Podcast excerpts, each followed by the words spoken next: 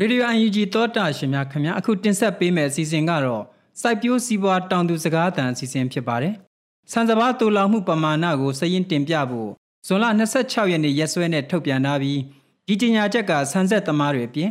ထုတ်လုပ်မှုရဲ့ရင်းမြစ်အကြဆုံးဖြစ်တဲ့လယ်သမားတွေကိုထိခိုက်နိုင်တယ်လို့ကျွမ်းကျင်သူတွေကသုံးသပ်လိုက်ပါတယ်။ဒီသတင်းကိုမတ်ကြီးမုံကပေးပို့ထားတာဖြစ်ပါတယ်။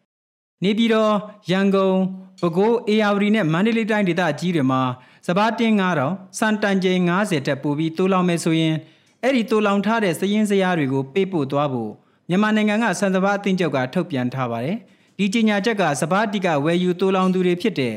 ဆန်ဆက်လုပ်ငန်းကိုထိခိုက်စေပေမဲ့အတိကထုတ်လုပ်သူဖြစ်တဲ့လယ်သမားတွေကိုအများဆုံးထိခိုက်လာမှာဖြစ်တယ်လို့ဆန်စပားလုပ်ငန်းကျွမ်းကျင်သူတူကအခုလိုသုံးသပ်ထားပါတယ်အာဖြစ်လို့လို့တင်းကျု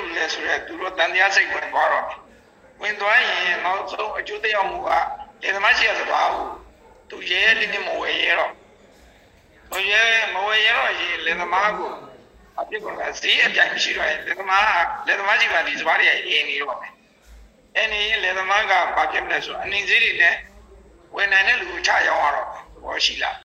လက်တလောရေးဆွဲထုတ်ပြန်လာပြီးအတိမပြုတ်ရသေးတဲ့စံစဘာဥပဒေမူကြမ်းမှာဆိုရင် ဒီလိုကြိတ်ခွဲထုတ်လုပ်တူလောင်မှုဆိုင်ရာစီးရင်စရာများမှတ်ပုံတင်ပေးပို့တာမရှိရင်နှစ်နှစ်ထက်မပိုတဲ့ထောင်ဒဏ်ကိုဖြစ်စေကြက်သိန်း900ထက်မပိုတဲ့ငွေဒဏ်ကိုဖြစ်စေဒဏ်နှစ်ရက်လုံးဖြစ်စေ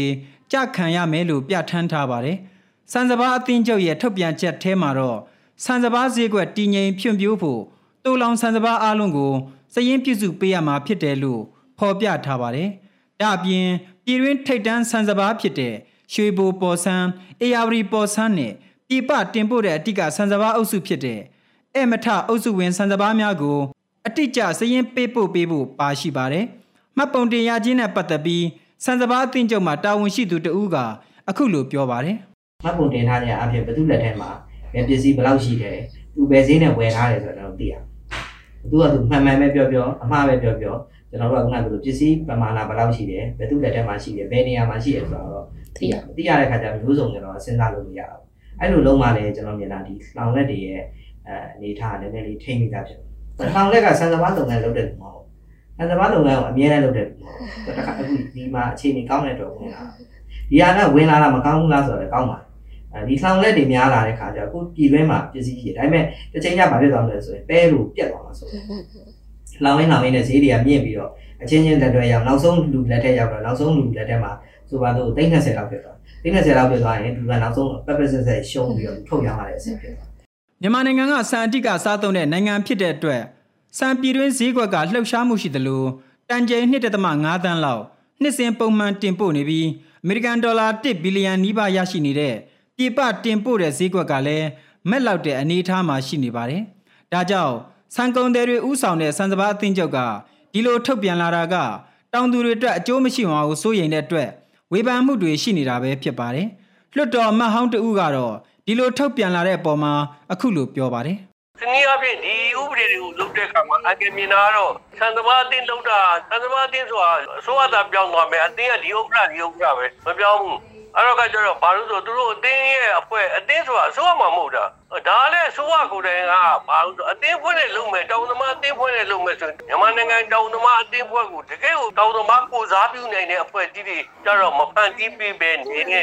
တစ်ဖက်ကလုပ်ငန်းရှင်တွေဖွဲ့တဲ့ဟာကိုတောင်သမားဖွဲ့သဘောမျိုးတောင်သမားအကျိုးရှိစေတဲ့သဘောမျိုးသွားပြီးအဲ့ဒါအဲ့လိုနားလည်ပြီးလို့ရင်တော့အဲ့ဟိုအရင်ကအင်္ဂလိပ်လွတ်တော်လေးပြောလို့ပဲ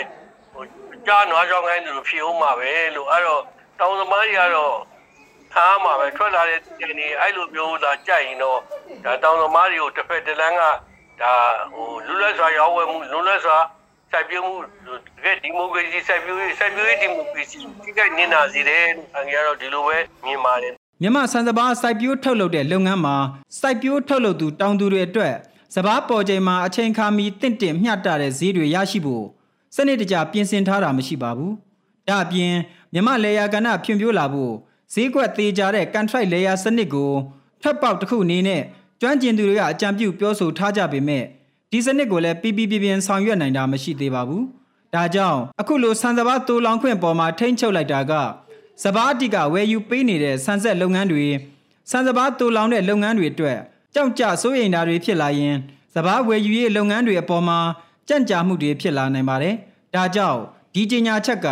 ကိုပိုင်အရင်နှီးနေပါပြီးအကျွေးနဲ့စိုက်ပျိုးထုတ်လုပ်ရတဲ့လယ်သမားတွေအတွက်စဘာရောင်းရတာကြန့်ကြာလာရင် အတိုးနှုံးတွေတက်လာမှာကိုစိုးရိမ်နေကြရပါတယ်။သောတာရှင်များခင်ဗျာအခုတင်ဆက်ပေးခဲ့တဲ့မြေပြင်သတင်းအကြောင်းအရာတွေကိုတော့ရေဒီယို UNG သတင်းတောက်မတ်ကြီးမုံကပေးပို့ထားတာဖြစ်ပါတယ်ခင်ဗျာ။